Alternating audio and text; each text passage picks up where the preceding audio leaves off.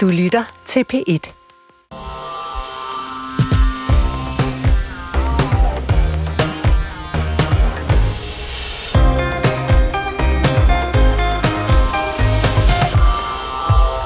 Det 6. SU-år er snart fortid.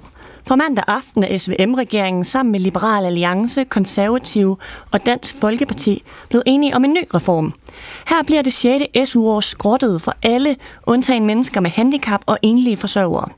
I stedet så skal de studerende fremover kun modtage SU til at gennemføre en kandidatuddannelse på normeret tid, som typisk tager fem år. Oplever man at stå uden flere SU-klip tilbage til at afslutte uddannelsen, ja, så må man fremover låne sig til at gøre studiet færdigt, eller tage et arbejde ved siden af. Jeg vil rigtig gerne høre fra jer derude. Har I prøvet at skifte studie? Og synes I, at staten fortsat skal betale for, at man kan vælge om og skifte uddannelse? Ring ind til os på 70 21 19 19, eller send mig en sms til 12 12. Du skal bare skrive P1, lave et mellemrum, og så sende din besked. Det er altså P1 Debat i dag. Jeg hedder Camilla Michelle Mikkelsen.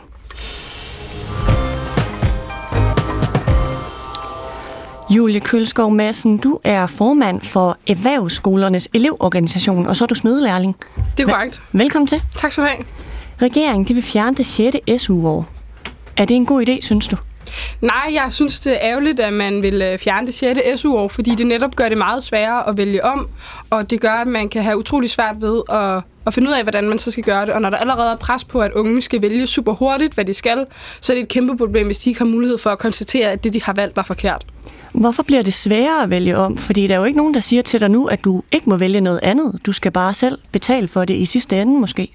Ja, og gæld er jo ikke nødvendigvis en god ting. Hvis man nogensinde har set, har set luksusfælden, så ved man godt, at det ikke er en god ting. Så jeg ved ikke, om man føler, at det at skulle forgælde sig er en åbenlys måde at vælge om. Det giver da i hvert fald en barriere for, hvad man kan og ikke kan. Ja, udover du taler jo om øh, gæld som en konsekvens, ikke? Hvad kommer det her ellers til at medføre, som du ser det, at man vælger at skære det 6. år væk? Jeg tror, det giver, kan give noget øget mistrivsel og noget mere stress blandt unge. Og det gør jo bare, at de kommer til at tage flere sabbatår for at overveje, hvor længe der går, inden de, altså for at få noget mere tid til at overveje, hvordan og hvad de vil. Men det mener regeringen jo også er skidt. Så på den måde, så kan de unge jo ikke rigtig gøre noget andet end at vælge en vej, og så bare blive hængende der. Øh, ellers er det bare ikke godt nok lige nu. Men fremover kan man jo stadig få SU til en hel bachelor og en hel kandidatuddannelse. Er det ikke privilegeret nok, at staten simpelthen betaler for en fuld uddannelse? Og hvis man så beslutter sig for at vælge om, ja, så må man selv lige spæde til et halvt eller et helt år. Jo, det er det jo nok, men vi er jo også bare verdenskendte for at brokke os, ellers så havde vi ikke øh, den stat, vi har i dag, og de muligheder, vi har i dag. Så jeg kan ikke se, hvorfor vi skal holde op med at brokke os, når vores forældres generationer er kommet rigtig langt med at brokke sig. Og en ting er jo brok, ikke? Altså sådan, velfærden lige nu er udfordret, og vi mangler arbejdskraft. Så er det det rette tidspunkt at brokke sig? Ja, Altså, der har altid været noget, som gjorde, at man ikke skulle kunne brokke sig, så, så har der været alle mulige ting. Men vi har da altid arbejdet for at få bedre vilkår, både på arbejdsmarkedet og i velfærdsstaten. Så jeg ser ikke nogen grund til, hvorfor vi skal stoppe, og jeg ser slet ikke nogen grund til, hvorfor vi skal begynde at forringe mulighederne for den her generation, som har været de muligheder, andre generationer før os har haft. Hmm. Godt. Jamen ved du hvad, vi har også øh, uddannelses- og forskningsministeren fra Moderaterne med, for jeg ved. Christina Elund, velkommen til. Og Christina Elund, kan du høre mig? Nå, ved du hvad, vi prøver lige at tænde for dig herover. Du er hoppet ind i, øh, i studiet på Christiansborg. Kan du høre mig nu? Jeg kan fint høre dig. Ej, hvor dejligt. Ved du hvad, nu kan vi også høre dig, Christina Elund. Du er med inden fra Christiansborg, og du har jo lige hørt øh, Julie Kølskov Madsen klart og tydeligt redegøre for de konsekvenser, som det kan have, hvis man fjerner, eller når I fjerner, det 6. SU-år. Tager hun fejl? Jeg skulle lige skynde mig at sige, at jeg hørte øh, en, en fli af det, der blev sagt. Jeg hørte bare lige det aller, aller, aller sidste. Okay, øh, nej, men ved du hvad, nogle af hendes bekymringer, ikke, de går på, at man forgælder sig, de unge bliver stresset, fordi at de ikke kan vælge om, og der er også en risiko for mistrivsel. Ja, altså, hmm, det er jo ikke rigtigt, at man ikke øh, kan vælge om. Det vil man stadigvæk kunne, også efter at, øh, at vi gennemfører den her, øh, den her reform. Øh, det vil stadigvæk være sådan, at man vil kunne gå for eksempel øh, et år øh, på universitetet, øh, og så finde ud af, at det var faktisk ikke det, man gerne ville. Man vil hellere være øh, folkeskolelærer, så kan man nå at vælge om og stadigvæk have SU til en fuld uddannelse. Så er det klart, så vil der også være nogen, der er der sådan set også i dag, som kan blive ramt af at løbe tør for klik, hvis man ombestemmer sig flere gange, eller meget sent i den første uddannelse, man, man går på. Og til dem er der også forbedrede lånemuligheder til rådighed, til at man også har SU-støtte til at kunne gøre sig øh, færdig med sine studier. Og bare sådan lige, altså, som man sige, for, for, for perspektivets skyld, det betyder jo så, at dem, der må blive ramt af det i den sidste del, den aller, aller sidste del af deres studier for at blive færdig, de vil så i den del af deres studieliv opleve de vilkår, som er hverdagen fra dag 1 øh, for deres nordiske øh, studenter, kolleger mm. for eksempel, hvor lån er et vilkår. Men Christina Elund, en ting er jo, hvad der er muligt i Norden, og noget andet er, hvad der har været muligt herhjemme indtil nu, hvor I kommer ind og laver det om. Ikke? Altså, hvorfor skal det være sværere eller hårdere at blive studerende fremover? Jamen, der er nogle forskellige balancer i det. Man kan sige, først og fremmest, så synes jeg, og det synes regeringen og de partier, som er enige om det her, øh, at det er fuldstændig rimeligt, at vi har fastholder at have et generøst og godt SU-system i, øh, i Danmark, hvor man får SU til hver dag, øh, at ens studie varer, men altså ikke til længere tid, øh, end den varer.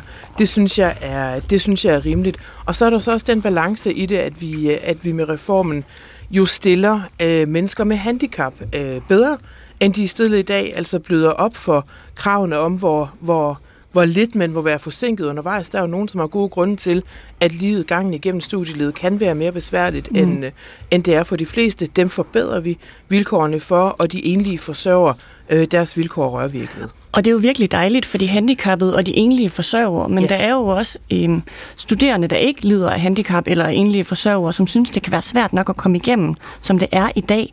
Så hvad er konsekvensen ved at lade det 6. SU-år være? Jamen altså, når vi, gennem, når vi gennemfører det her, der er jo ikke nogen konsekvenser af, hvad det er, så, så, Hvorfor sker så der, det? så sker der så ingenting. Ja, men det, altså for mig at se, så handler det om forskellige ting. Jeg synes, det er rimeligt nok, at man har SU øh, til normeret tid af sin uddannelse, men ikke til mere øh, end uddannelsen. Så frigiver det selvfølgelig også nogle midler, altså i underkanten af 400 millioner, øh, som vi kan investere til andre formål, øh, som også gør... Øh, gør, gør livet bedre for, øh, for unge studerende. Okay, altså de her andre formål, er det, øh, ryger pengene direkte ind i uddannelsessystemet? Det skal vi møde. Altså det er mit oplæg, at vi skal øh, at vi geninvesterer de penge ind i, øh, i børn, unge og uddannelse. Præcis hvordan udmyndningen er, det bliver, øh, det tager vi fat på på den anden side af, af juleferien. Øh, men det er klart til mit oplæg og regeringens oplæg, at de penge skal gå til formål, som understøtter øh, uddannelse. Okay, men bare lige for at være sikker, ikke? Det er ikke mm. noget, du kan garantere. Jeg spørger bare, fordi der er jo også noget med sådan en flyafgift, der går til ældre lige pludselig, og du ved. Nej, altså der er jo ikke nogen... Man skal jo altid være varsom med at konkludere på forhandlinger, der ikke er startet endnu. Øh, så med det forbehold, det er helt klart min intention. Jeg har heller ikke hørt andet fra de partier, øh, som, øh, som er enige om at gennemføre den reform, at de også synes, at det skal gå til at understøtte børn, unge og uddannelse. Okay, jamen lad os bare lige høre fra Julie Kølskov Madsen her igen. Altså Julie, er det ikke meget fornuftigt, det ministeren siger? De her 400, øh, godt 400 millioner, der måske kan frigives ved at spare det 6. år væk, det ryger altså direkte ind i uddannelseskassen og forbedrer uddannelsesmulighederne. Altså, jeg synes jo, det er rigtig positivt, at man vælger at investere, hvis man gør det her, men jeg synes bare også, det er ærgerligt, hvis man skal gøre sådan nogle ting her, at det skal gå ud over unge i det hele taget. Hvorfor kan man ikke finde nogle penge ud af til, at vi har sparet så meget på uddannelse de sidste mange år? Og i Danmark, der har vi ikke naturlige ressourcer som olie, vi kan sælge til verden. Vi har dygtige mennesker, som kan alt muligt, og det skal vi blive ved med at have. Og lige nu, så sætter vi bare en stopklods for det.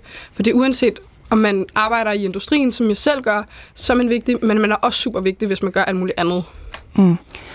Christina Elund, øh, jeg ved, du har en bachelor i litteratur og sprogvidenskab. Var det egentlig din øh, første uddannelse, eller har du måttet vælge om? Jeg er nok et af de største rådehoveder, jeg selv kender, når det handler om studievalg. Jeg har startet ja. på rigtig mange forskellige ting. Øh, jeg kan ikke... Øh, Jeg kan faktisk ikke huske, for det ligger også en hel del år tilbage. Jeg kan ikke huske, hvor mange SU-klip jeg nåede at bruge, men jeg er ret sikker på, at jeg ikke brugte dem alle sammen. Men jeg må bare sige, helt generelt, øh, så vil jeg ikke øh, anbefale de unge i dag at gøre sådan, som, som jeg gjorde, fordi jeg... Men, men Og Christina Elon, så kender du jo faktisk også godt til følelsen af at være i tvivl. Og Absolut. lige pludselig, Man kan sige, jo, men det er jo rigtigt nok, og det er der jo stadigvæk også plads til, og det skal der også, øh, det skal der også være plads til. Det, som vi gennemfører nu i forhold til at fjerne det 6. SU-år for de fleste, det øh, gælder jo sådan set allerede i dag. Det har det gjort siden 2013 for dem, som øh, som er øh, mere end to år efter de afsluttede deres ungdomsuddannelse, om at starte på en videregående uddannelse. For dem gælder det allerede. Så det har sådan set været vilkåret for, for en hel del, øh, op til 20 procent, øh, siden 2013. Og når vi kigger på, hvordan sætter det sig så i adfærden, hvordan påvirker det dem? Altså, der er ikke noget, der tyder på, at der er større frafald, for eksempel, som jo var en bekymring, øh, man kunne have. Der er forskellige rapporter, der prøver at belyse det her med social mobilitet. Det kan man ikke rigtig konkludere noget, øh, noget om. Så tilbage står jo så, kan man sige, en, en rimelighedsbetragtning af, at, øh, at jeg, synes, det, jeg synes, det er rimeligt, Okay. at man får et af verdens allerhøjeste SU til den tid, en studie er normeret. Der er også altså inden for en grænse plads til at vælge om, uden at man skal låne sig frem øh, til sidst. Øh, og hvis man rammer det, så er der så også gode muligheder for at låne sig frem Godt, til, jamen, ved til du aller, aller sidst. Jeg tager lige fat i det her med social mobilitet, du er inde på, fordi vi har nemlig øh, Jakob Nielsen Arndt stående i studiet. Velkommen til. Tak skal du have. Du er forskningsprofessor ved Rockwool-fonden, og I har jo lavet en analyse af, hvad konsekvenserne er ved at fjerne det 6. SU-år. Og der er I altså kommet frem til, at det faktisk særligt vil ramme de studerende, der kommer fra lavindkomsthjem. Hvordan det? Lad mig først understrege, at vi, er ikke, vi kan ikke belyse konsekvenserne i deres adfærd, altså hvor mange der falder fra. Vi belyser, det mangler vi simpelthen, og hvis, hvis ministeriet ligger inde med nogle, med nogle analyser af, hvordan ændringen i 2013 øh, påvirkede adfærden, så, så kender jeg dem i hvert fald ikke. Men det vi kigger på er, øh, hvem der er i særlig høj grad bruger øh, det 6. års SU, og det er en meget populær ordning. Det er 40 procent af alle de kandidatstuderende, Øhm, men der er særligt to grupper, øh, som vi har fokuseret på, hvor vi mener, at, at, at det har interesse, fordi at de bruger hyppigere øh, det 6. års SU end, end, end, øh, end andre grupper, og fordi vi ved, at grupperne også typisk har et højere frafald, og det er netop grupperne fra, øh, med, med, med hjem fra øh, mindre ressourcestærke hjem. Så det er blandt andet i lavindkomst, øh, øh, hvad hedder det, kortere uddannelse øh, med forældre uden for arbejdsmarkedet. Der er brugen øh, lidt højere. For eksempel dem med forældre uden for arbejdsmarkedet, der er det næsten halvdelen, der bruger det, sjette- hvis de er kommet til kandidatuddannelsen, okay. vel at mærke, halvdelen, der bruger det 6. års SU, men 38 procent. Synes du, det vidner om, at de grupper har brug for det ekstra SU-år? Jamen, det, det, kan vi jo ikke, det kan vi jo ikke aflæse af tallene, men det, det netop fordi, at, at det følger de tal, vi har fra, hvor stort frafaldet er, ellers så, øh, så, så, så giver det en formodning om, at der er en, er en gruppe her. Det er en gruppe, der er risiko for, at vi skubber til det frafald, hvis vi fjerner det 6. års SU. Øhm, Men, men Ja. jeg synes, med al respekt, altså I skriver jo også i jeres egen rapport, at I ikke kan konkludere, at I ikke ved, hvordan en afskaffelse af det 6. Ja. Ja. års ord vil påvirke uddannelsesmobiliteten. Og det er jo øvrigt i tråd også med de data, som, som vi har i, øh, i ministeriet. Så synes jeg bare sådan helt generelt, hvis man lige må flyve en lille tur op i helikopteren, jeg synes helt generelt det der med at pege på, at børn af forældre, som enten ikke tjener mange penge, øh, eller ikke har en lang uddannelse, at de skal så, altså både forældre og børn, skal så have sådan et, et stempel fra samfundet som ressourcesvag. Det synes jeg simpelthen er en alvorlig dom at stille over mennesker, som... Hvem, øh, hvem som, synes du som ikke- stiller den der med Christiane Jamen, Elund? det, ja, men det synes jeg jo, altså det synes jeg blandt andet, øh, at, øh, at man har gjort øh, fra, fra Rockwool-fondens side i nogle af de udtalelser, man har haft. Du synes også, andre har gjort det, men så sådan, ja, men det, det rammer særligt hårdt, fordi at, øh, at der er børn af, af, af det, man så kalder ressourcesvage øh, familier. Jeg synes ikke, det er rimeligt øh, at give folk det stempel, at fordi øh, at ens far måske er industrimedarbejder, og mor arbejder i hjemmeplejen, mm. at så skal man så bære rundt på sådan et stempel, som at være en ressourcesvag. Forældreevne handler jo om alle mulige andre ting også. Man kan sagtens være en støttende, kærlig, god forældre, også der understøtter ens, øh, ens øh, børn under uddannelse, selvom man ikke har en lang videregående uddannelse, eller tjener mange penge. Så jeg synes, det er en ret alvorlig dom at fælde. Ja, Jacob øh, Ja, vi, vi kan jo godt skændes om, hvilke ord vi bruger. Det, det, det er jeg sådan set enig i, at det er, er måske lidt for generaliserende. Det, men det er jo et faktum, at, at de grupper, vi snakker om, hvis du kommer fra et hjem med en lavere indkomst, i gennemsnit har et højere øh, frafald, og i gennemsnit klarer sig dårligere på uddannelserne. Det handler om mange ting. Det er der mange årsager til. Øh, noget omkring viden om studiemiljø, mm. hvordan man passer ind og så videre. Så, så øh, jeg, jeg synes ikke, at man kan benægte, at det er grupper, der har en højere risiko. Øh. Så Men man kan jo hive fat i mange ting. Jeg vil bare lige spørge dig om noget her, ikke? fordi mm. hvis der så øh, er en risiko for lavere social mobilitet. Mm. Altså om uddannelsesmulighederne er lige for alle, uafhængig af deres forældres pengepunkt. Og denne her nye reform jo kan øh, bidrage til, at der måske er nogen, der vil falde fra. Vil I så gøre noget for at gribe den gruppe? Men det er jo vigtigt, det du siger indledningsvis i spørgsmålet, hvis det har. Det er der simpelthen ikke, altså det er der ikke noget, der tyder på, at øh, det har. Jeg vil så også sige, at hvis man øh, kommer fra det, som nogen så stempler som værende en ressourcesvag baggrund, hvilket jeg synes er, altså, er virkelig fordømmende, men, men ja. okay. Øh, det kan man sige er en semantisk diskussion, det synes jeg faktisk ikke, det er. Men okay. Øh, hvis man gør det, og man så sidder på fjerde år på et universitetsstudium, er kommet så langt, så synes jeg, man må sige, så har det unge eller voksne menneske jo i den grad brudt den, øh, den sociale arv. Og det er jo super godt, og derfor synes jeg heller ikke, de skal mødes med, at man taler ned øh, til dem, og det synes jeg faktisk, at okay. man... Øh, at man, øh, at man gør her. Og, og der bliver, lad os bare lige komme tilbage i studiet, ikke? fordi øh, du griner, Katrine Ropsø, når øh, ministeren siger talt ned øh, og semantisk diskussion. Du er øh, uddannelsesordfører for Radikale Venstre. Hvorfor griner du? Jamen undskyld, jeg kom til at grine. Det var bare fordi, det var sådan en, en spøjs ting, man synes, man skulle tage op her. Øh, jeg synes egentlig, i stedet for at og begynde at diskutere nogle ord, Rockwool-fonden øh, har brugt, så synes jeg egentlig, jeg vil gerne forholde mig til, at det er jo ikke så underligt, at hvis du kommer fra et hjem, hvor dine forældre ikke selv har læst på universitetet, så kan det være sværere at forholde sig til og selv skulle tage en universitetsuddannelse, fordi du ikke har de samme ting at spejle sig Det ved jeg da selv, da jeg skulle vælge uddannelse. Mine forældre har ikke læst på universitetet. Jeg blev første gang overhovedet sådan rigtig opmærksom på, at det måske var en mulighed, da jeg selv gik på gymnasiet.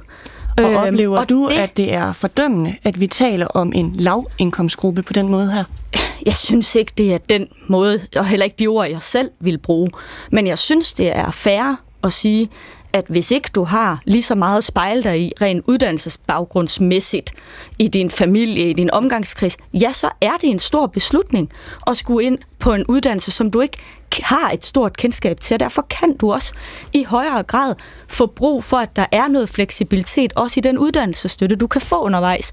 Og det kan i hvert fald skabe en tryghed i, at det er mere sikkert at vælge den uddannelse og prøve mm. det af, fordi der faktisk er mulighed for at vælge om, hvis det ikke lige var det helt rigtige. Og Jakob Arndt Nielsen, altså i jeres analyse, mm. der er der jo så 44 procent af de studerende, der bruger det 6. SU-år, som kommer fra hjem øh, uden forældre med en akademisk uddannelse, og 40 procent, som også bruger det 6. SU-år, som kommer fra akademiker hjem. Så der er altså øh, mange, der bruger det 6. SU-år. Hvad vidner det om? Jamen, det vidner først og fremmest om, at der måske også er forskellige årsager til at bruge det. Øh, og, og, og i vores optik, når vi kombinerer med den viden, vi har om frafald fra forskellige socialgrupper, hvis vi må kalde det, så, så vidner det om, at, at i vores øjne, at der, at der er bedre grund til at sætte fokus på dem, fra de, øh, med, der kommer fra, fra hjem med lavere indkomst, fordi vi ved, at frafaldet er højere. Så, så det kan jo godt vidne om, at der er nogen, der bruger den ordning, når muligheden er der, mm. uden at det har en risiko for, om de falder fra, hvis det bliver fjernet. Og det er da helt klart vores vurdering af, af, af konsekvenser, vil nok ikke være være voldsomme. Det er øh, klip, man bruger sent i studiet, hvor langt de fleste formentlig vil færdiggøre det, øh, når de nåede dertil. Men Ja, og med de tal, vi fandt frem til, så synes vi, det er værd at sætte fokus på de grupper, hvor risikoen er lidt større. Og, og, og især nu, når, når ministeriet jo egentlig heller ikke selv kender, hvad konsekvenserne er, så synes vi, det er værdifuldt at få noget viden om, øh, hvem, hvem er egentlig en risikogruppe. Og Betyder det så også, at når der er nogen, der bruger det, fordi det ligesom er en mulighed, at så kan en afskaffelse faktisk også have positive konsekvenser, hvor der er nogen, der kommer hurtigere igennem? Det kan det bestemt. Det ved vi fra andre internationale studier, at når man reducerer uddannelsesstøtten, der er, der er eksempler på øh, i Holland og Italien, hvor man har reduceret på de seneste år, eller giver nogle uddannelsesgebyrer for for sent øh, færdiggørelse, altså reducerer det øh, gennemførselstiden for, for en, en, en stor gruppe, uden at det egentlig går ud over frafaldet for flertallet. Ja. Okay. Ved du hvad, jeg tager lige øh, et par sms'er, fordi jeg har jo bedt jer om Undskyld, at, jeg at lige skrive fordi jeg og lytte nødt ind. til at, og jeg blev nødt til at gå nu, som Nå, vi du også på har aftalt. væk. Okay, men ved du hvad, det er en aftale. Det er rigtigt, det har vi aftalt, Christina yes. Elund. Tusind tak, fordi du var med. Selv tak og god debat. Forsknings- og uddannelsesminister øhm, for Moderaterne. Tak skal du have. Og øh, jeg tager lige de her sms'er, fordi der er nemlig en, der skriver, det er Henning Lindegård fra Horsens. Han skriver sådan her, de unge får gratis uddannelse og SU oveni, så det må der være til UG. Hvis de så ændrer i planen, så må de altså selv finansiere differencen. Det kan ikke være rimeligt, at det skal være en håndværker, der møder ind på stiladset klokken 6 om morgenen, der skal finansiere, at de skal vælge om. De får et velledende job inden for de næste 45 år. Ej, undskyld, det er mig, der læser forkert. De får et vellønnet job de næste 45 år, og så får de alt betalt. De har råd til fredagsbar. Okay. Ved du hvad, der er også øh, Christoffer, der har ringet ind til os. Christoffer Jacobsen, velkommen til øh, P1 Debat. Mange tak. Christoffer, du har lyttet lidt med her til det, der foregår i studiet. Hvad ja. tænker du om det, du hører? Jeg tænker, at der sidder en mængde mennesker, som ikke ved, hvordan det er at gå på universitetet, og de forhold, som bliver spillet ind under, undervejs Ja, og efter den sags skyld. hvad, hvad baserer du det på? Det baserer jeg på øh, min erfaring som faglig vejleder ude på Syddansk Universitet, Okay, hvilket jeg har været i nogle år. og synes du, at det er en rigtig dårlig idé, regeringen har fået her, når de vil afskaffe det 6. SU-år? Ja, og det vil jeg rigtig gerne bruge med de præcis ord. Det er en rigtig dårlig idé. Ja. Hvilke konsekvenser tror du, at det kan have, Christoffer? Jamen, det er ikke nogen, jeg tror. Øh, det har det nogen, som jeg har set til hverdag ude på mit arbejde. Okay. Hvad, hvad er det, Det- du ser på dit arbejde? Jamen, hvis vi nu bare lader være med at tale om unge med funktionsnedsættelse, fordi de har deres udfordringer, og den bliver taget hånd om, så vidt jeg forstår på det. Så lad, lad, lad, lad os tage dem øhm, uden funktionsnedsættelser. Ja, lad os gøre det. For eksempel, der kan være øh, folk med ubehandlede familietraumer, for eksempel, og hvis man så har det, så kan det være meget svært at fokusere på, på sin uddannelse. Så kan det være nødvendigt at, at tage et halvt eller et helt år mere for at undgå at droppe ud. Christoffer, ved du hvad, jeg missede faktisk lige, hvad det var, du sagde. Noget ubehandlet. Vil du ikke gentage det en gang til? Ubehandlede traumer. Ubehandlede traumer, okay. Ja. Godt. Jamen ved du hvad, lad os lige øh, tage den ind i studiet. Øhm, fordi Kat- Katrine Ropsø, øh, uddannelsesordfører for Radikale Venstre, du var jo også til mødet i går aftes, øh, hvor øh, Christina Elund, øh, ministeren vi havde med før, havde inviteret til, og det var ligesom her, det stod klart, at det 6. SU-år, det skal væk. Nu hører vi fra en uddannelses, eller en tidligere uddannelsesvejleder, at det er en dårlig idé. Hvad tænker du? Jamen, jeg er jo fuldstændig enig i, at det mildt sagt er en dårlig idé at afskaffe det 6. SU-år. Jeg er enormt bekymret for det pres, det kommer til at ligge på alle unge for at vælge rigtigt i første hug, for ellers så øh, falder hammeren fra regeringen og, og det nye SU-forlig, som vi jo ikke er en del i, af i, øh, i Radikale, og jeg synes, det er en rigtig, rigtig ærgerlig vej at gå, og et meget ærgerligt signal til alle unge. Og du snakker om en hammer, der falder, ikke? Og du er meget bekymret. Hvad er det, du er så bekymret for? Jeg er oprigtigt bekymret for det signal, man kommer til at sende til alle de unge, der skal i gang med at vælge en uddannelse. Og det er enormt vigtigt, endnu vigtigere end nu, at vælge rigtigt i første omgang. Og hvis man tror, at unge ikke går op i, om man bliver gældsat eller ej, det gør man jo. Det er jo ikke fordi unge synes, det ville være fedt at skulle betale deres husleje med gæld. Unge vil også gerne have mulighed for at klare sig igennem, og jeg møder bare ikke de unge mennesker, der synes, at det bare er noget fedt noget, at staten skal betale alt muligt. Jeg møder faktisk til gengæld enormt pligtopfyldende unge mennesker, der gerne vil bidrage, der gerne vil ud og have et arbejde, der gerne vil være en del af samfundet og være med. Men jeg møder også unge mennesker, der gerne vil have lov til at få en ordentlig rygsæk med på vejen.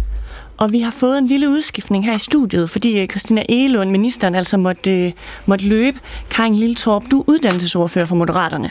Velkommen til. Tak. Prøv at høre, når du hører øh, Christoffer Jacobsen fortælle om sine bekymringer, hvorfor skal vi så fjerne det 6. SU-år, når han siger, at vi altså kommer til at tabe nogen? Nu hører jeg igen hans spørgsmål som, at der er nogen, der har udfordringer, og det kan være, at han mener, at de ikke er blevet tildelt det handicaptillæg, de måske kunne være berettet til. For vi skal lige være bevidste om, at langt de fleste, vi snakker om, det er det sidste år i deres lange videregående uddannelse. Og, og, og der har de allerede vist de ressourcestærke, så vi snakker altså ikke om en svag udsat gruppe her. Vi snakker faktisk om nogen, der er nået rigtig, rigtig langt i deres studie, og kommer til at tjene rigtig mange penge bagefter. Og derfor er vi ikke så bekymret for, at de gældsætter sig. Men Christoffer Jacobsen, han taler jo ikke om de handicappede. Han taler om øh, nu siger jeg godsøjne, øh, ganske almindelige studerende, som øh, har traumer, som så mange andre har. Altså nogen, der ikke kan få et tillæg for det, man, øh, man går og dealer med. Øh, og hvis det er det, der er problemet med traumer, det læser, øh, hører jeg jo i virkeligheden som, som noget, der kræver behandling. Det, det hører jeg som en sygdom, der selvfølgelig skal tages hånd om. Og der synes jeg jo bare, det er vigtigt, at vi skal ikke tage SU til øh, i gissel øh, i forhold til mistrivsel, fordi der er intet, der tyder på, at det hænger sammen. Mistrivselskrisen gør sig gældende i hele Europa, i hele Norden. Det har ikke noget som sådan med SU at gøre. Men jeg synes jo, det vil være relevant at kigge på det proveny, der eventuelt kommer ud, om det er noget, vi faktisk kunne investere i at reducere den generelle mistrivsel, der er på uddannelserne. Okay, det blev et svar til dig, Christoffer Jacobsen. Tusind tak, fordi du ringede ind. Katrine Jacobsen, mistrivsel, øh, undskyld, Katrine Ropsø, mistrivsel, det hænger altså ikke sammen med, øh, at vi skærer i SU'en, hører vi fra Moderaterne.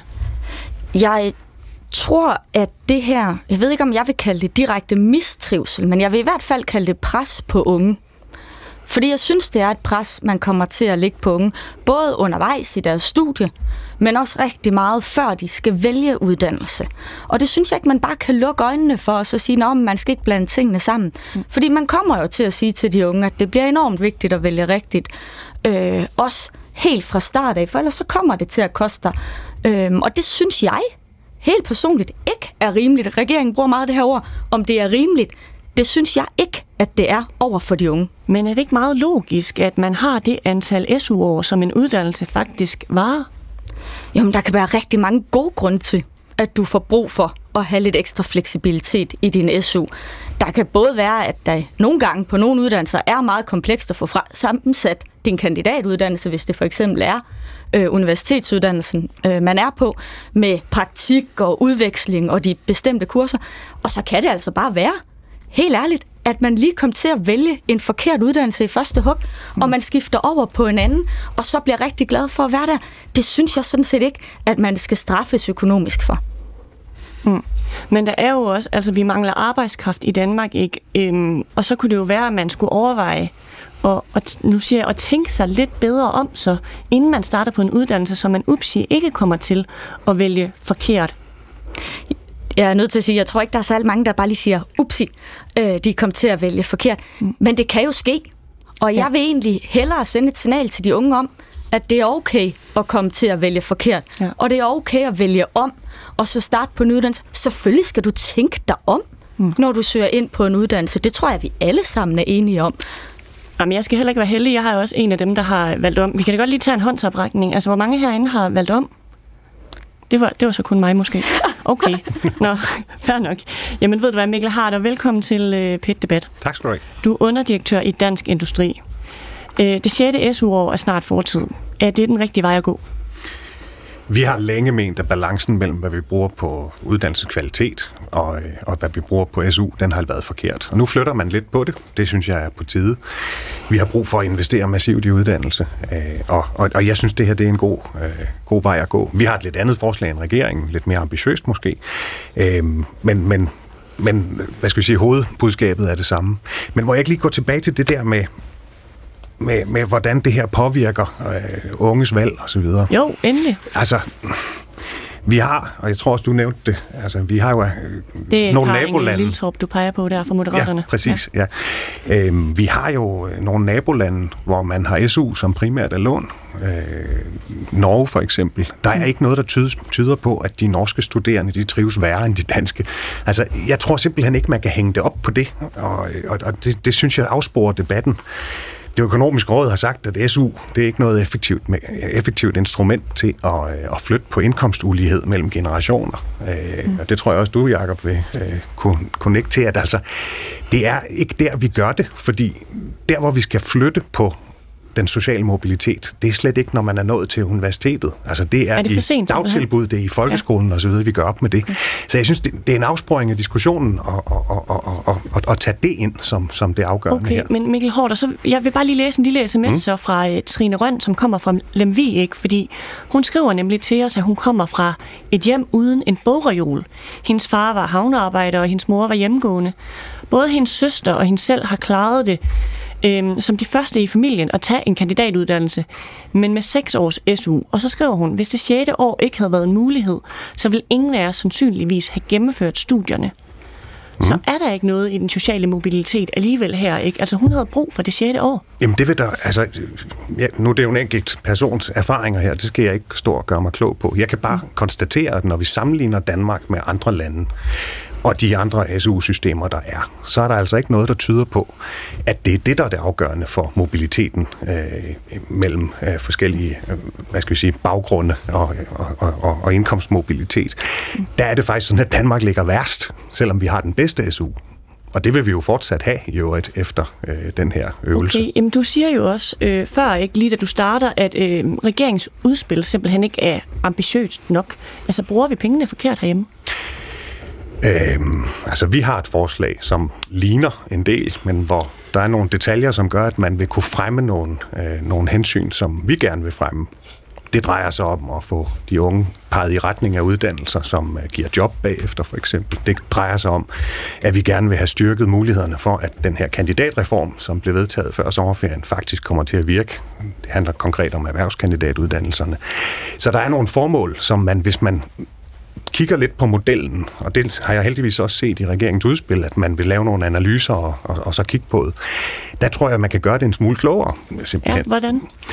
Jamen altså, det er det her låneelement, hvordan det slår igennem, øh, som, som er afgørende i den sammenhæng. Øh, og der, det er der incitamenterne kan ligge. Og bare for at tage det med, øh, med erhvervskandidaterne, og det kan godt blive en teknisk diskussion, men altså pointen er, at hvis vi kan skabe rum for at, at, at, at have erhvervskandidaterne, som er en ny gruppe af uddannelser, som, som vi skal til at håndtere efter kandidatreformen. Hvis vi kan skabe rum i SU-systemet for også at kunne prioritere dem med lån, for eksempel, mm. så kan vi gøre noget godt. Øh, Og, og på den måde er der andre lån ting. til øh, Mikkel Hårder, for at vi kan prioritere erhvervskandidaterne? Jamen altså, nu bliver det en helt anden diskussion. Det er det her med, om om en ordinær kandidatuddannelse, altså dem, som vi har i dag, mm. om, om de er lige så attraktive som en øh, erhvervskandidatuddannelse. Dem skal vi jo have 20 procent af lige om lidt. Og der, altså, det er en meget lang diskussion, men der er det, vi ser nogle muligheder i SU-systemet for at kigge på det, Okay. hvis vi gerne vil det her. Øhm, Julie Kølskov Madsen, du er formand for øh, Erhvervsskolernes elevorganisation, og så, og så er du smedelærling. Vi er lidt inde på det her med øh, lånemulighederne, ikke? Og du sagde, da du startede her i programmet, at du synes, lån er en dårlig idé. Hvorfor er det så problematisk at låne øh, for det sidste år, halve år? Det er jo ikke, fordi man ikke kan låne penge, og det er nødvendigvis skidt. Men jeg tror bare, at den her måde at håndtere tingene på, at bare gøre det værre og værre og hurtigere og hurtigere, og du skal beslutte dig, og det skal være nu, og du skal tage, tage en erhvervsuddannelse lige så snart du er færdig med folkeskolen, og hvis du gør det, så er du lidt en samfundstaber, og du er lidt træls for, at du går i gymnasiet, og alt muligt. Øh, og så kan det godt være, at jeg kan stå her og have været, taget den rigtige uddannelsesvej. Men derfor kan jeg da godt se alle mine venner, som ikke har gjort det. De skal da have lige så mange øh, gode muligheder, som jeg har. Og det, at man siger, at mistrivselen er lige så dårlig i resten af Europa, at det ikke får nogle alarmklokker til at bimle og bamle inde hos nogle politikere og gøre noget ved det, det synes jeg da er pinligt. Det er da pinligt, at man kan stå og sige, at mistrivselen er sådan i hele Europa, og så man bare gør mere for at stresse og gøre, gøre, at unge de skal gøre, som man selv lige synes. Der er ikke nogen unge, der har lyst til at være arbejdsløse. Der er ikke nogen der er unge, der har lyst til at gå ud og skulle være på... Øh, være på kontanthjælp eller lignende, de vil gerne gøre deres bedste. De vil gerne bidrage med ting. Men det er jo bare ikke de bedste forudsætninger, vi giver dem lige nu. Karin Lilletorp, du er uddannelsesordfører for Moderaterne. For det her er dine alarmklokker til at bimle og bamle, når der bliver snakket om mistrivsel. Øh, og der kan jeg jo kun desværre komme til at gentage mig selv. Vi tager mistrivsel utrolig alvorligt, og vi snakker rigtig meget om det. Min eneste pointe her i debatten, det er jo bare netop, der er intet, der tyder på, at SU har nogen sammenhæng med SU, og derfor synes jeg, det er uheldigt at bruge dem som gissel. Og jeg vil også lige sige for en god ordens skyld, den her, øh, at vi tager det 6. SU, det kommer jo netop ikke til at påvirke erhvervsuddannelsen. Så, så, så øh, det er de lange videregående uddannelser. Og i den forbindelse, så er det lige synes jeg, det er sjovt på DR i dag. Der kører de en historie om en ingeniørstuderende, der fortæller, at hun har brug for 6. SU-år, fordi hun gerne vil have lidt ro på, og hun har bedre tid til sit studiejob. Det er jo en dejlig historie, men det er jo også den, der skal få os til at tænke på, at hun tager faktisk det 6. SU-år, fordi hun gerne vil have lidt overskud, øh, fordi hun gerne vil have tid til at arbejde ved siden af. Og det er jo dejligt, men, men, men hun kommer jo igen ud og får et velbetalt job, og synes vi så ikke, at pengene i virkeligheden kunne prioritere anderledes? Tør vi ikke at tage den diskussion og sige, at de kunne faktisk bruges bedre? For eksempel på at reducere mistrivsel længere ned i systemet. Mm. Katrine Ropsø, øh, uddannelsesordfører for Radikale. Ja. For det første, så er det jo altid en ærgerlig diskussion, når man tæller uddannelse og SU, at det bliver blandet enormt meget sammen, at du skal spare på det ene for at kunne give det andet. Der er jeg simpelthen meget, meget enig med Julie i, at det er en helt forkert præmis at have sat op. Altså, Lars Løkke Rasmussen, der, der nu er formand for Moderaterne, valgt om, efter han havde været øh, formand for Venstre. Sidst han øh, sad i regering, der sparede man jo 2% på vores uddannelser hvert eneste år. Og så er det nu som om, man sådan er lidt overrasket over, at der ikke er penge nok på vores uddannelser, og at vi derfor er nødt til så at spare på SU'en for at finde penge til vores uddannelser. Mm. Og det synes jeg er ærgerligt, og vi har jo lavet i mange år brede politiske aftaler, også omkring SU'en. Der har man nu valgt at sige, at det vil man opsige fra regeringens side, fordi man vil gennemtænke og fjerne et helt SU-år. Det er vi bare imod i Radikale Venstre. Så når du hører ministeren tidligere i programmet sige, ikke, at de altså, regeringen ligger op til at overføre alle de her penge, øh, knap 400 millioner fra det 6. År, øh, SU-år tilbage i uddannelsessystemet, så er det ikke godt nok, for det er noget, man allerede har fjernet. Altså jeg vil i hvert fald sige, øh, det er ikke fordi, jeg ikke stoler på, hvad ministeren siger, men lad os nu se, hvad det kommer frem til. Det plejer at være en bred definition om, hvad der er til unge og børn og uddannelse, når det er regeringen, der siger det. Så lad os nu se, hvad de kommer frem til øh, efter nytår. Det bliver i hvert fald spændende. Men selvfølgelig synes jeg at det er bedre, at de rent faktisk ønsker at investere de her penge i de områder, i stedet for at give dem en ældrecheck, for eksempel. Ja. Katrine Ropsø, der er kommet en lille sms til dig. Det er øh, Karoline, hun er selv studerende, og hun skriver, at det er blevet normen på flere uddannelser og skubbe fag, så man bruger sin SU-klip, nu hvor man alligevel har dem. Så har man mere frihed og tid under sit studie. Det er altså ren luksus. Derfor så er det super fint, at det 6. SU-år fjernes. Der er ikke nogen hammer, der falder, Katrine Ropsø. Vi taler om, at man måske kan risikere at skulle betale et enkelt år tilbage. Pisker du en stemning op? Nej, det synes jeg ikke, og det er jo fint for Karoline, hvis hun gerne vil øh, tage lån. Det skal hun da være så hjertelig velkommen til. Nu er det ikke sikkert, at alle er født øh, nødvendigvis lige så privilegeret som Karoline er, synes det er helt lige så nemt at få hjælp, for eksempel også fra sine forældre, til at komme igennem og det, det, det sidste siger hun jo faktisk ikke noget om, men, øh, nej, nej, hjælp fra forældre. Men, øh, men det, øh, det kan man jo øh, være heldig at kunne få, hvis det er. Og så vil jeg bare sige, det her kommer jo til i høj grad også at ramme alle dem, der kommer efter Karoline selv på studiet. Alle dem, der ikke er startet endnu. Alle dem, der skal til at vælge. Det er jo dem, det her pres kommer til at ramme. Okay. Mikkel Hård og underdirektør i Dansk Industri, du har også stået med hånden op nogle gange nu. Jamen, det var der, vi er i gang med det med, med, med trivselen. Altså, mm. hvor jeg synes, hvis vi er enige om, at, at det ikke er SU i sig selv på 6. år, som er, er, er, er hvad skal vi sige, hoved aktøren ind i, hvem der trives og ikke gør. Altså, fordi det kan vi sammenligne os ud af med, med det, resten det, af Europa. Det ved jeg simpelthen ikke, om vi er enige om Nej, her i studiet. Men, men, jeg kan men, se, at der er nogen, der står og ryster på hovedet Min pointe er bare, at hvis, hvis ikke det er det, det handler om, kunne vi så ikke bruge pengene mere fornuftigt jo, hvordan for at øge trivsel? Bedre? Jamen altså, en af de erfaringer, som man har, er jo, at bedre undervisning giver faktisk også trivsel. Altså, mm. hvis vi bruger pengene på, at uddannelserne er bedre, så kan det også have en effekt.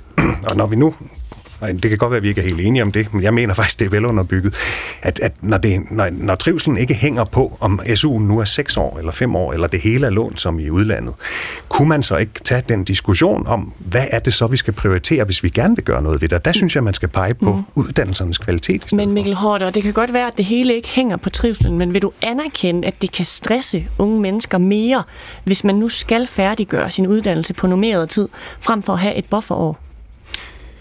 Den enkelte, jeg skal ikke igen gå ned i den enkeltes øh, hvad hedder det, overvejelser her. Jeg vil bare sige, at vi har et meget, meget generøst uddannelsessystem med SU til hele uddannelsen. Jeg har simpelthen svært ved at se, at, at det ikke skulle være rimeligt og, øh, og til at håndtere. Og som sagt, altså den, den store forskel i social mobilitet og, og, og så videre, den er altså ikke noget, vi skaber på det 6. SU-år. Okay. Julie Kølskov Madsen, du er smedlærling. Ja, jeg har sådan set udlært, men, men det er fint. Nå, undskyld. Ved ja. du hvad, du smed? Ja. Og tillykke med det. tak. Øh, jeg, tror, jeg tror for mig handler det egentlig ikke så meget om det der med at kunne gøre det på nummeret tid. Jeg har også taget min uddannelse på nummeret tid, øh, og det tror jeg sådan set rigtig mange rigtig gerne vil. Det der med at være studerende og være fattig er ikke altid ligefrem det fedeste, at skulle spise pasta med øh, pesto igen i dag. Øh, så, så det tror jeg faktisk ikke, at sådan, sådan de fleste har det. Jeg tror faktisk bare, at det handler om det handler om det der med at kunne vælge om. Det handler om at have en sikkerhed i maven. Det handler om, at når du vælger det her, når du vælger at gå ud for din, dine rammer, at du så kan noget andet igen. Da jeg valgte at blive smed, var det også, at jeg har brudt min sociale arv. I og med, at mine forældre begge to er, ud, øh, er historikere, de har aldrig nogensinde rørt en hammer nærmest, og nu har jeg valgt at tage en meget, meget, meget håndværkstung uddannelse. Så jeg tror bare, at det turde jeg kun, fordi de bakkede op om mig, og fordi der var de her muligheder i det, og jeg kunne vælge om undervejs, og jeg var i tvivl undervejs. Mm. Og jeg synes, det var en kæmpe samfundstaber, hvis jeg droppede ud af min uddannelse, så det havde jeg ikke lyst til, fordi jeg var i tvivl om, det var det, jeg skulle. Og det tror jeg bare, der er rigtig, rigtig mange, der går med. Og nogle gange ender man med at gå et halvt år længere, end man måske burde have gjort på en uddannelse. Fordi man ikke tør sig ud. Fordi så er man også nederen. Så er man også en samfundstaber. Og den måde, man snakker om unges valg på hele tiden, det gør det bare ikke nemmere at vælge noget. Specielt ikke, når mulighederne så bliver dårligere, end de er i dag. Okay. Ved du hvad, lad os lige tage en lytter mere, for der er nemlig flere, der har ringet ind på 70 21 19 19. En af dem, det er Jonathan Lauritsen. Jonathan Laursen. Velkommen til, Jonathan. Jo, tak skal du have. Kan du forstå det, du hører fra, fra Julie her? Ikke? Altså, det er vigtigt at kunne vælge om, og vigtigt, at man har ro i maven til, at man godt må være i tvivl. Ja, jamen det er jeg da helt enig i, og vi kan jo alle sammen blive i tvivl i, i mange hensigter i vores liv. Øhm, så det, det er slet ikke den præmis, jeg sådan anfægter, hvis vi kan sige det sådan. Men nu, jeg har selv lige afsluttet min uddannelse her i sommeren. Øhm, jeg har kun fået SU for det ene år, fordi at jeg arbejdede for meget ved siden af. Og det er jo sådan, reglerne er skruet sammen. Og jeg kunne da også godt se, at det havde været fedt, at jeg kunne få de her 6.500 ekstra. Øhm, men jeg valgte at arbejde, og det er sådan, der. Min kone har taget en kandidat, øh, og fandt så ud af, at hun kom ud på arbejdsmarkedet. Det var faktisk ikke lige hende alligevel. Så nu læser hun en, øh, nu læser hun jura, bachelor i jura, som vi selv finansierer, og det er faktisk hele uddannelsen er selvbetalt. Okay, jeg synes, hvordan fungerer at, det for jer?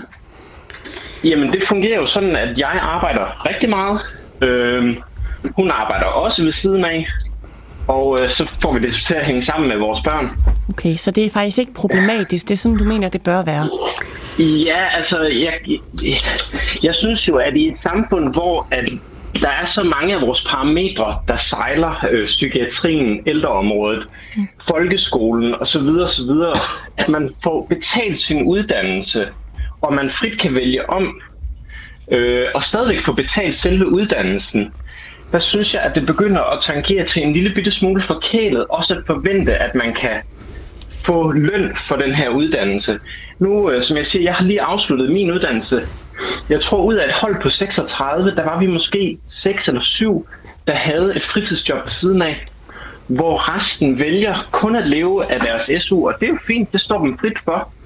Men jeg synes bare, der er en, en skævvridning i, i det her med, at vi skal betales for en uddannelse, der er gratis. Okay.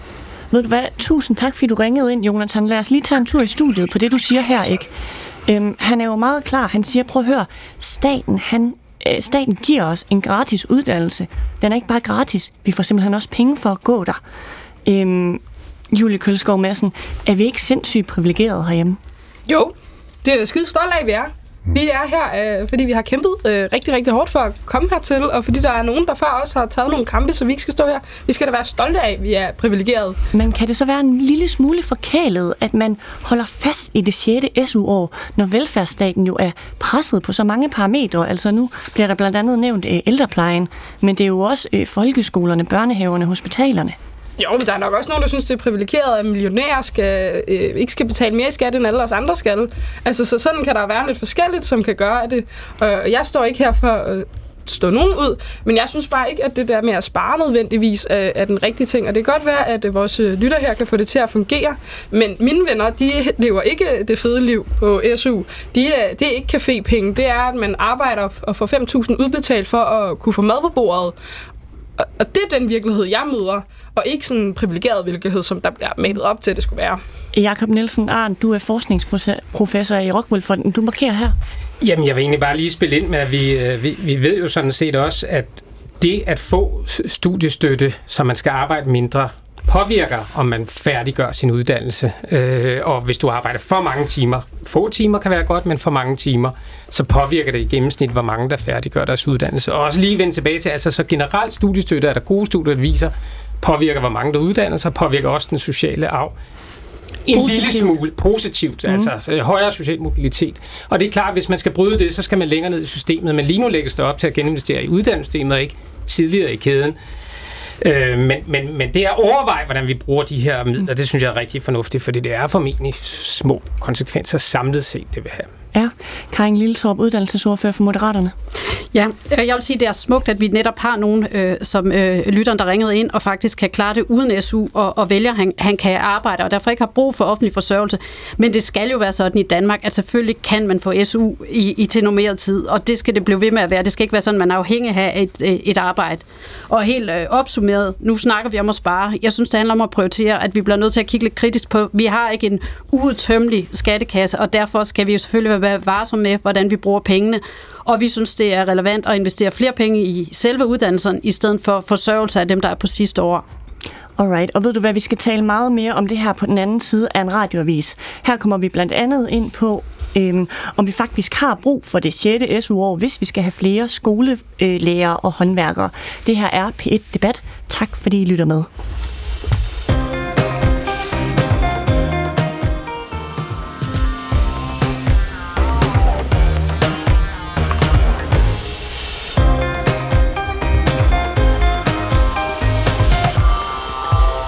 5 år, 10 semestre og 58 SU-klip. Så lang tid tager det at færdiggøre mange lange videregående uddannelser. Og så lang tid kan man få SU fremover. Det besluttede regeringen mandag aften sammen med Liberal Alliance, Konservativ og Dansk Folkeparti, da de blev enige om en ny SU-reform. Det betyder også, at det 6. og ekstra SU-år snart er fortid. Men det presser og stresser de studerende, lyder kritikken. Her er det altså Camilla Nielsen, der læser til ingeniør på DTU. Jeg kan huske på mit tredje semester, der øh, jeg var så presset over studierne og kunne bruge dage på bare at ligge i min seng og græde og ikke vide, hvad jeg skulle, skulle gøre mig selv. Så det med at have muligheden for at kunne forlænge og gøre studiet så meget mere overskueligt for mig selv, det har givet så meget ro i maven. Hun har altså haft brug for at læse længere end normeret tid, og derfor kommer hun til at bruge det 6. SU-år til at færdiggøre sin uddannelse. Jeg vil rigtig gerne høre fra jer derude. Har du prøvet at skifte studie? Og synes du, at staten fortsat skal betale for, at man kan vælge om og skifte uddannelse? Så ring endelig ind til os på 70 21 19 19. Du kan også sende en sms til 12 12. Du skal bare skrive P1, lave et mellemrum og så sende din besked. Det er altså P1 Debat i dag. Jeg hedder Camilla Michelle Mikkelsen.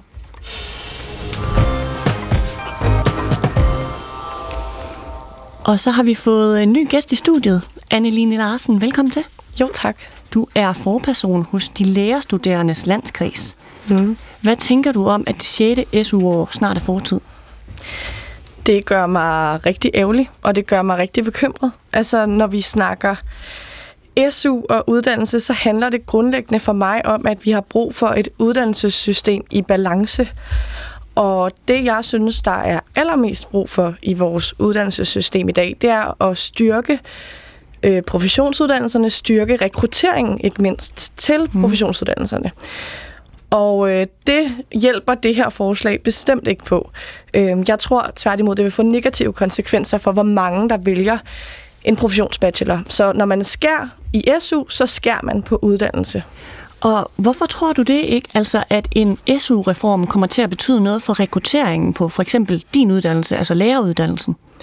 Jamen, vi ved, at i 2021, så var det 34 procent af de nye lærerstuderende, som havde udforsket en anden uddannelse, inden de startede. Og jeg er jo naturligvis bekymret for, at nogle af alle de her mennesker, som vælger en uddannelse i første omgang, og så finder ud af, at noget andet var, var deres rette hylde, at de simpelthen enten øh, lader være og, øh, og ender med at øh, og måske ikke gøre sig umage på et studie, de brænder for. Det, det er sådan set øh, det, hvad kan man sige, det mindst værste, der kan ske. Okay. Øhm, men der er jo også en stor risiko for, at de her mennesker, de så dropper ud og slet ikke kommer i gang med en anden uddannelse. Og så taber vi jo alle sammen. Mm. Okay, så der er nogen, der måske ender med slet ikke at få en uddannelse, men du frygter også, at der er nogen, der faktisk ikke tør at skifte, fordi de nu selv skal til at betale for det øh, SU, de ikke har tilbage i form af klip? Det tror jeg helt sikkert. Mm. Okay. Jeg, hører, jeg hører tit, øh, at... Øh, at dem, der har brug for mere SU end, end de her fem år, at det er jo nogen, der øh, ender ud med utrolig høje lønninger og sagtens vil kunne betale et lån tilbage. Øhm, og øh, altså, nu er det ikke fordi, at, øh, at lærerlønnen sammenlignet med nogle andre professionsuddannelser er den værste løn, øh, man kan komme ud til. Men det er bestemt ikke en løn, hvor du ender med, øh, ja, med en tårnhøj løn og, og snilt kan betale, betale lån tilbage. Det er det heller ikke, hvis du for eksempel er uddannet sygeplejerske. Det tror jeg okay. godt, vi sammen ved. Men det er jo ikke fordi, det sådan er et, øhm, altså et kreditlån. Det er jo et, et SU-lån med en forhåndsvis øh, okay rente. Så er det helt umuligt, at man skulle kunne betale et halvt til et helt år tilbage. Altså, ville det være for hæmmende? Det her det handler om, at jeg synes, at politikerne de taler utrolig meget om, at det er vigtigt, at vi får flere ind på professionsuddannelserne. Og så gennemfører de samtidig, mange af dem, øh, det her forslag, som gør det sværere. Og det synes jeg bare ikke hænger sammen. Mm. Okay. Ved du hvad, du siger jo også 34 procent ikke af de læreruddannede, de er studieskiftere. De har læst noget andet før. Hvis knap en tredjedel af de lærerstuderende er studieskiftere, kan det så ikke også godt vidne om, at der måske snarere er et problem med at tiltrække folk til læreruddannelsen i første omgang, end det egentlig handler om SU. Jeg synes også, vi skal gøre en hel del mere, end der bliver gjort i dag, for at sørge for, at flere vælger lærer, pædagog, sygeplejerske, alle de her uddannelser i første omgang, og det kæmper vi jo for hver dag. Øh, men ja, det hænger jo sammen, og vi, øh, vi bliver jo nødt til at anerkende, at virkeligheden er sådan, at rigtig mange de bliver draget mod universitetsuddannelserne i første omgang. Og selvfølgelig skal de ikke være lust fast der. Selvfølgelig skal de have rigtig god mulighed for at komme over på for eksempel læreruddannelsen, hvis det er det, de finder ud af, de har lyst til. Vi har fået en sms fra Marianne Terp. Hun øh, har nemlig læst til læger, og det tager fire år, som hun jo skriver. Hun siger, det er længe siden nu, men uddannelsen kostede noget hver måned, så hun søgte og fik SU. Hun arbejdede samtidig på et plejehjem som vikar, og så kom hun fra øh, det, hun kalder et lavindkomsthjem. Det sidste år, der tog hun et mindre lån, som simpelthen blev brugt til tøj, og lånet blev så betalt af i løbet af de år, hvor hun arbejdede. Hun synes faktisk, at forslaget er meget godt. Er det, ja. er det ikke meget godt? Altså? altså, man kan sige, at læreruddannelsen og professionsuddannelsen har jo ændret sig ret meget de seneste mange år. For eksempel på læreruddannelsen, der er der mødepligt på minimum de første to år. Øh, der er også 100% mødepligt, når vi er i praktik, sådan gælder det på alle professionsuddannelser. Det er jo en periode i ens uddannelse, hvor ens hverdag også ændrer sig ret markant, og hvor mm. fleksibiliteten øh, falder markant.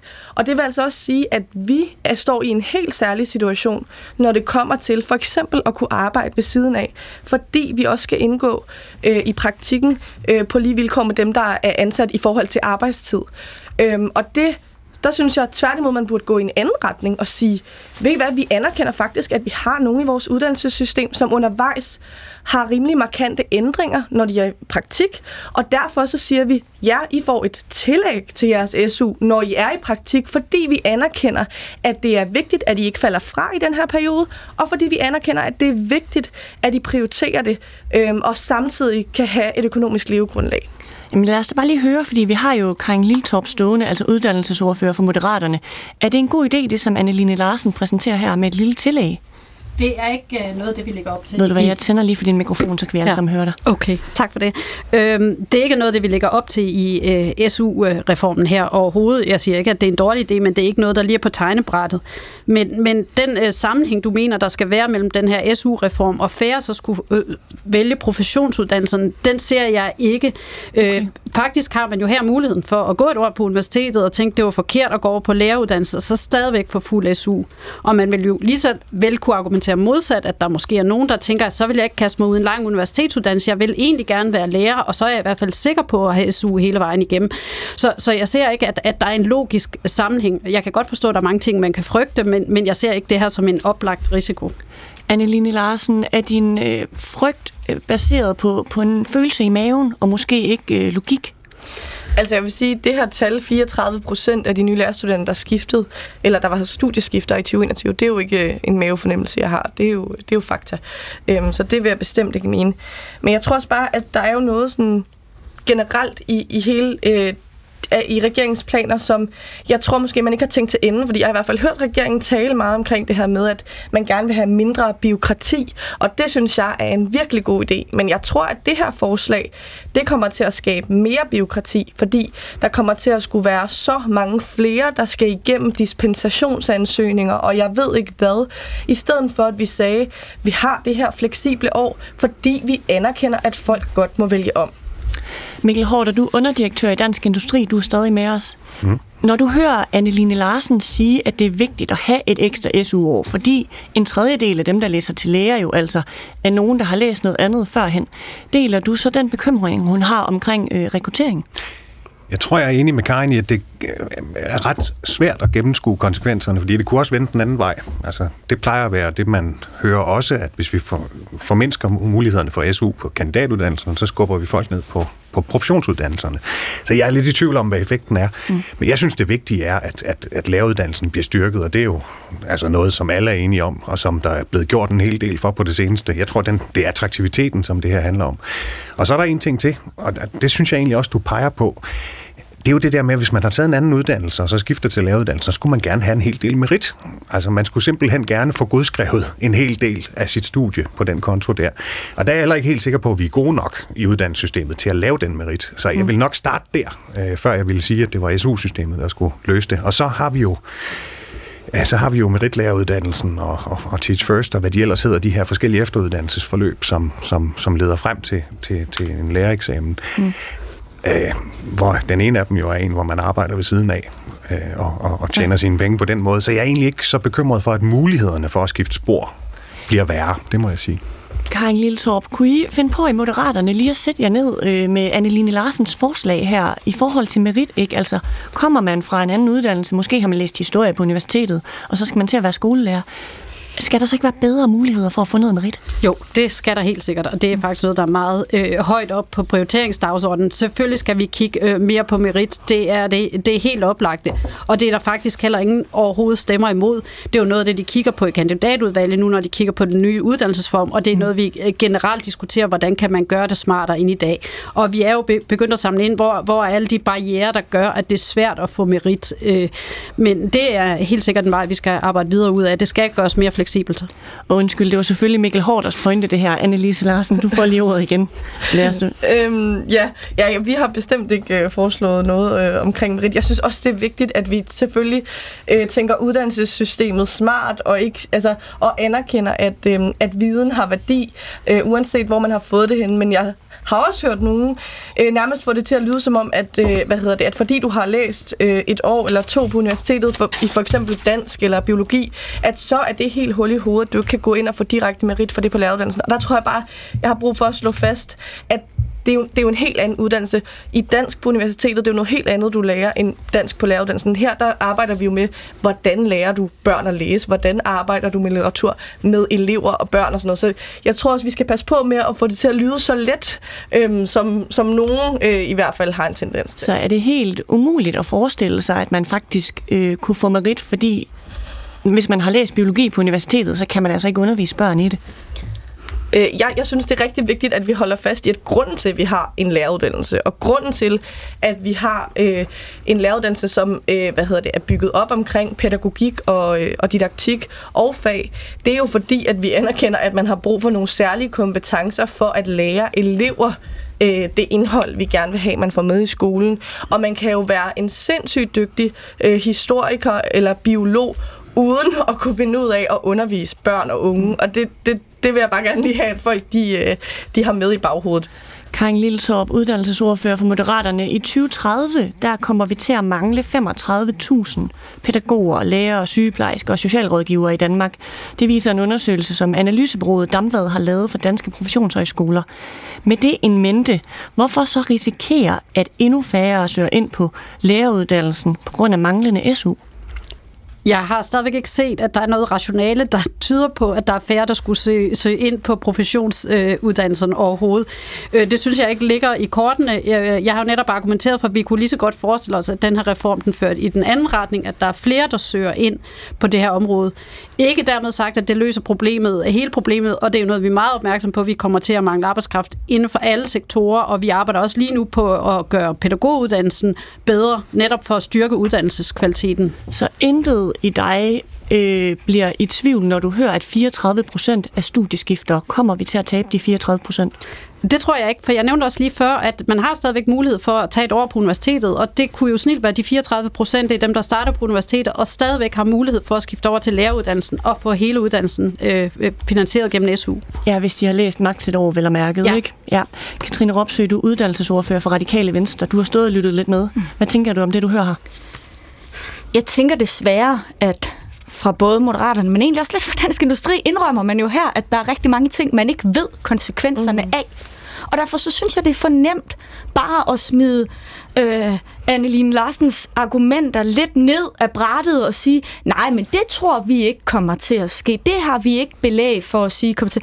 Nej, men jeg har i hvert fald heller ikke set jeg ligge på bordet, at det, ikke skulle, at det modsatte skulle være tilfældet.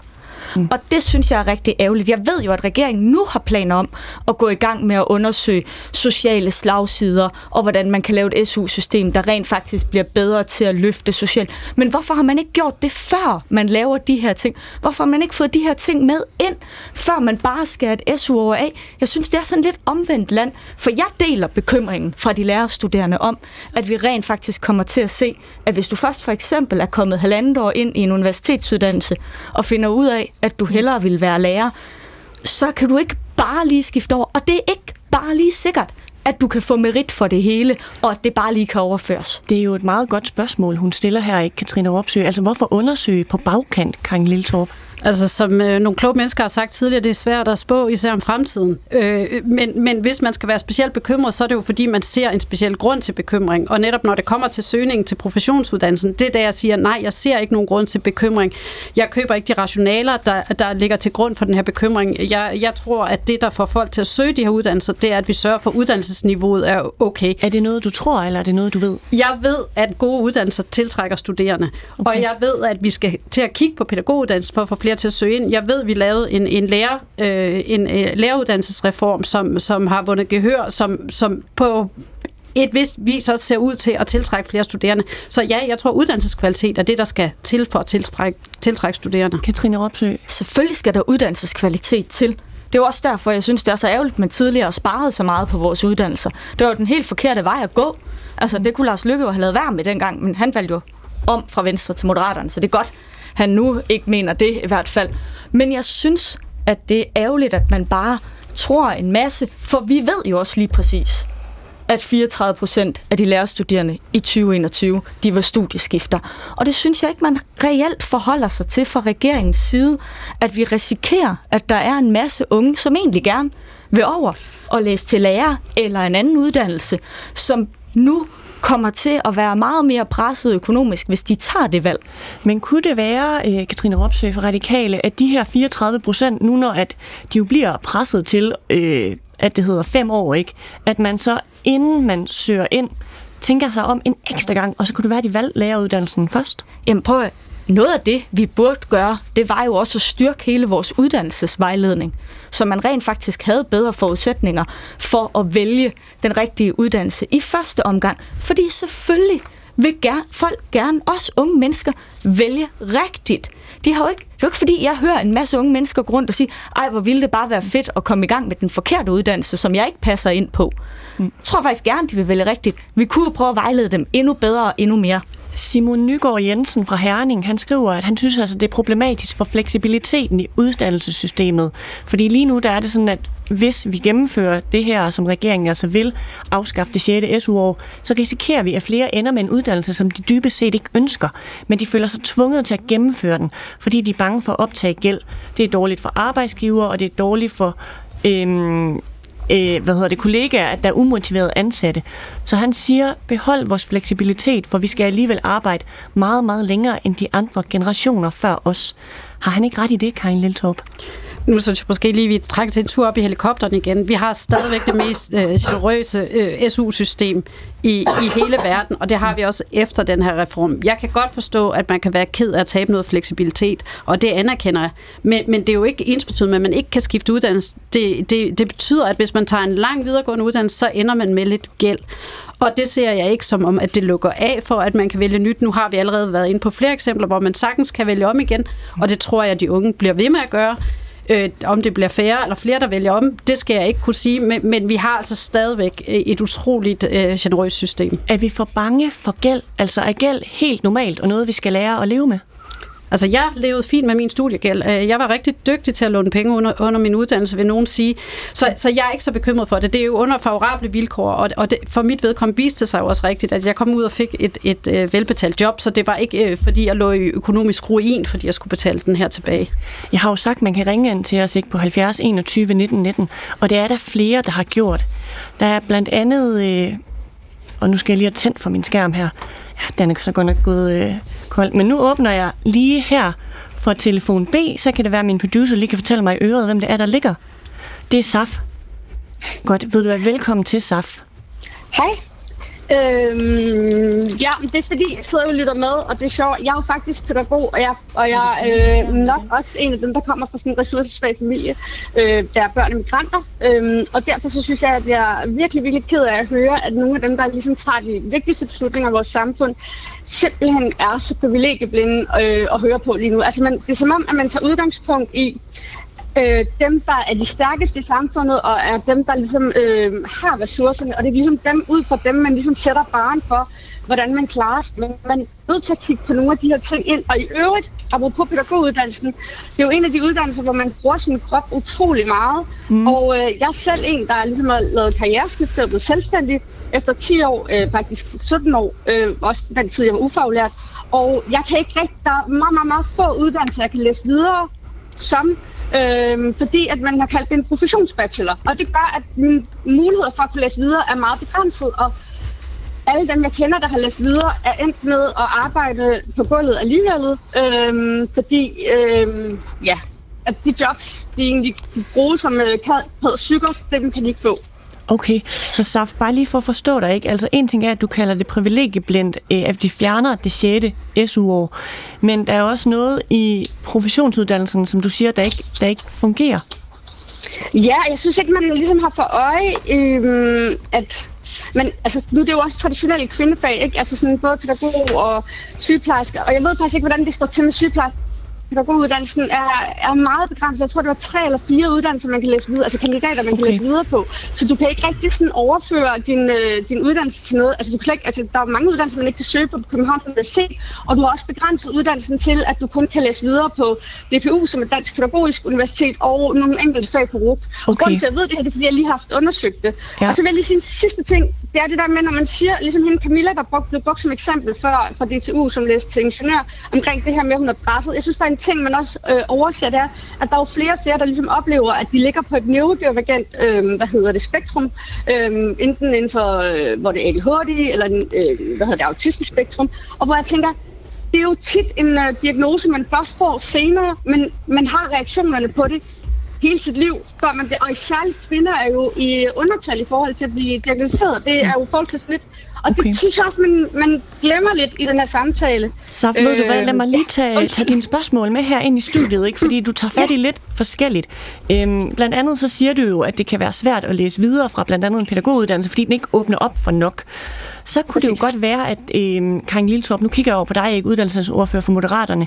Hvorfor skulle man så vælge pædagoguddannelsen i første omgang? Fordi man kan jo godt blive bange for at låse sig fast nu. Jamen, det er helt rigtigt, og det er et af de problemer, vi netop har set. Og det er jo faktisk derfor, der kan jeg jo komme med den rigtig gode nyhed til SAF, at det er jo noget af det, vi har bedt dem om at kigge på i kandidatudvalget, der skal kigge på videregående uddannelser i fremtiden. Netop, hvordan bliver det lettere at, at skifte? Hvordan skaber vi størst mulig fleksibilitet? Okay. Men jeg vil også gerne lige sige, at jeg blev ked af at blive kaldt øh, privilegieblind, for jeg tror flere af os her, jeg kommer bestemt ikke fra nogen privilegeret familie. De var utrolig ressourcestærke, mine forældre, men vi havde absolut ingen penge. Så, så, så den der fortælling om, at der er nogen af os, der er specielt ofre, den, den bliver bare lidt ked af, at vi bruger lidt for meget i debatten. Ja, men man kan bare ikke rigtig komme udenom, at der er en sammenhæng mellem økonomi og øh, ressourcer. Og i de familier, hvor... Altså, jeg tænker, nu, nu er jeg selv barn af migrant, jeg er 40. Mine forældre var jeg jo måske første anden, eller anden generation, jeg blev født her. Men jeg kan da bare sige, at det har jo, det har jo haft en betydning for mig i forhold til, at øh, det er først som 40 år, jeg begyndte sådan at tænke. Jeg, jeg overvejede faktisk at læse journalistik. Jeg kan ikke læse journalistik, fordi jeg har en pædagoguddannelse. Fordi mm. da jeg var øh, ung og skulle vælge uddannelser, der øh, var mine forældre jo sådan, øh, de var jo bare glade for at tog en uddannelse. De havde håbet på, at jeg ville være læge eller advokat eller et eller andet, men det blev jeg ligesom ikke. Og jeg har så også efterfølgende fundet ud af, at jeg har ADHD. Det fandt jeg ud af, efter jeg havde fået børn. Og det forklarer jo også en del i forhold til, at hvorfor jeg valgte den uddannelse, jeg gjorde, fordi det lige skulle gå hurtigt. Øhm, men i dag som 40-årig, der kan jeg jo godt se, at det har jo begrænset mig sindssygt meget sammenlignet med mine veninder, okay. øh, som har læst rukker på CBS. Godt. Ved du hvad, tusind tak, fordi du ringede ind, Saf. Det var så lidt. Anneline Larsen, øhm, forperson for de lærerstuderende, ikke? du står og nikker til, til noget af det, Saf siger her. Hvad er det, du er enig i? Ja, ja, tusind tak for at ringe ind, Saf. Og jeg, jeg synes, det var bare noget af det sidste, der blev nævnt i forhold til det her med, jeg tror Saf kaldte øh, folk, der er neurodivergente, men øh, man kan også udbrede det sådan med altså mennesker med funktionsnedsættelser. Fordi noget, en, af de, en af de ting, som jeg synes, at regeringen har, har gjort rigtigt, det er at sige, at mennesker, der modtager handicaptillæg, de skal stadig have øh, fleksible rammer, og faktisk en, en lille smule mere fleksible rammer, end der er i dag. Og det vil jeg rigtig gerne øh, anerkende jer for, det synes jeg er rigtig positivt. Men når det så er sagt, så er det jo kun en tredjedel af de mennesker, der har funktionsnedsættelser i vores uddannelsessystem, som modtager handicaptillæg. Det vil altså sige, at der er to tredjedel af dem, der har en funktionsnedsættelse, som ikke vil få mere fleksibilitet. Og det synes jeg er rigtig ærgerligt, at de ikke har udvidet at sige, at alle dem, der får specialpædagogisk støtte i uddannelsessystemet, de har også brug for en anden fleksibilitet. Fordi det er jo en anden gruppe, som jeg er bange for, mm. ryger ud af vores uddannelsessystem, og som vi simpelthen taber, fordi at der kommer øh, for snævre rammer. Jamen lad os lige spørge moderaterne, ikke? Er det ikke en reel bekymring, hun har her, øh, Anneline Larsen? Jeg synes, det er en meget reel bekymring, at vi har en kæmpe stor gruppe unge, som aldrig kommer i gang med arbejde og uddannelse, og netop fordi vi ser et, har set gennem mange år et stort øh, boom i antal diagnoser og neurodiversitet, så det synes jeg er et kæmpe problem. Men jeg synes ikke, at det direkte er relateret til SU-reformen, men hvis det viser sig, at der er en gruppe, der bliver efterladt på, på, på barokken, så synes jeg da helt sikkert, at vi skal kigge på det, og det er jo en anden dagsorden, øh, mm. vi prioriterer højt. Katrine Ropsø, Radikale. Jo, men handicap, organisationerne har jo også været ude med den her bekymring, fordi de lige præcis siger, rigtig fint, at de sikrer den her ene tredjedel, men de to tredjedel tilbage med funktionsnedsættelser, de bliver jo stillet markant ringere, end hvad de er i dag. Og det synes jeg, man glemmer i regeringen. Man har meget øh, travlt, det forstår jeg godt, øh, det, er, det er fint, den del øh, på den ene tredjedel, øh, men, men man har ligesom øh, glemt to tredjedel af dem med funktionsnedsættelser, der får SU. Og det, det synes jeg virkelig er enormt ærgerligt fra regeringens side. Karin Lilletorp? Jamen, vi har bestemt øh, høje forhåbninger til, at det, det er faktisk noget af det vigtigste for mig personligt, det er, at vi skal have så mange som muligt med øh, tilbage på, på toget. Der er alt for mange, der er efterladt udenfor, så, så det er jo også derfor, jeg siger, hvis det viser sig, at vi kommer til at tabe en gruppe her, så skal vi selvfølgelig kigge ind i det, men jeg har ikke set direkte evidens for, at, at den her SU-reform skulle have en, en, en speciel indflydelse på dem. Øh, og det er jo noget, det vi så også kommer til at samle øh, information om. Der er 40 sekunder tilbage. En sidste kommentar for dig, Anneline Larsen. Jeg synes, at hele den her øh, debat og samtale, den vidner om, at der er rigtig mange ting, vi ikke ved endnu. Og altså, nu kommer jeg fra en studenterorganisation. Det er sådan begrænset, hvilke midler og muligheder vi har for at lave de store undersøgelser. Det er jer, der har embedsværket i ryggen. Det er jer, der har ansvaret. Og jeg synes, der er så meget usikkerhed forbundet med den her beslutning. Du er altså forperson for de lærerstuderendes landskreds, og det blev det sidste ord i debatten. Programmet øh, er blevet til med hjælp af fra Frederik Ernst og Christian Flækner Gravholdt. Jeg hedder Camilla Michelle Mikkelsen. Tak fordi du lyttede med.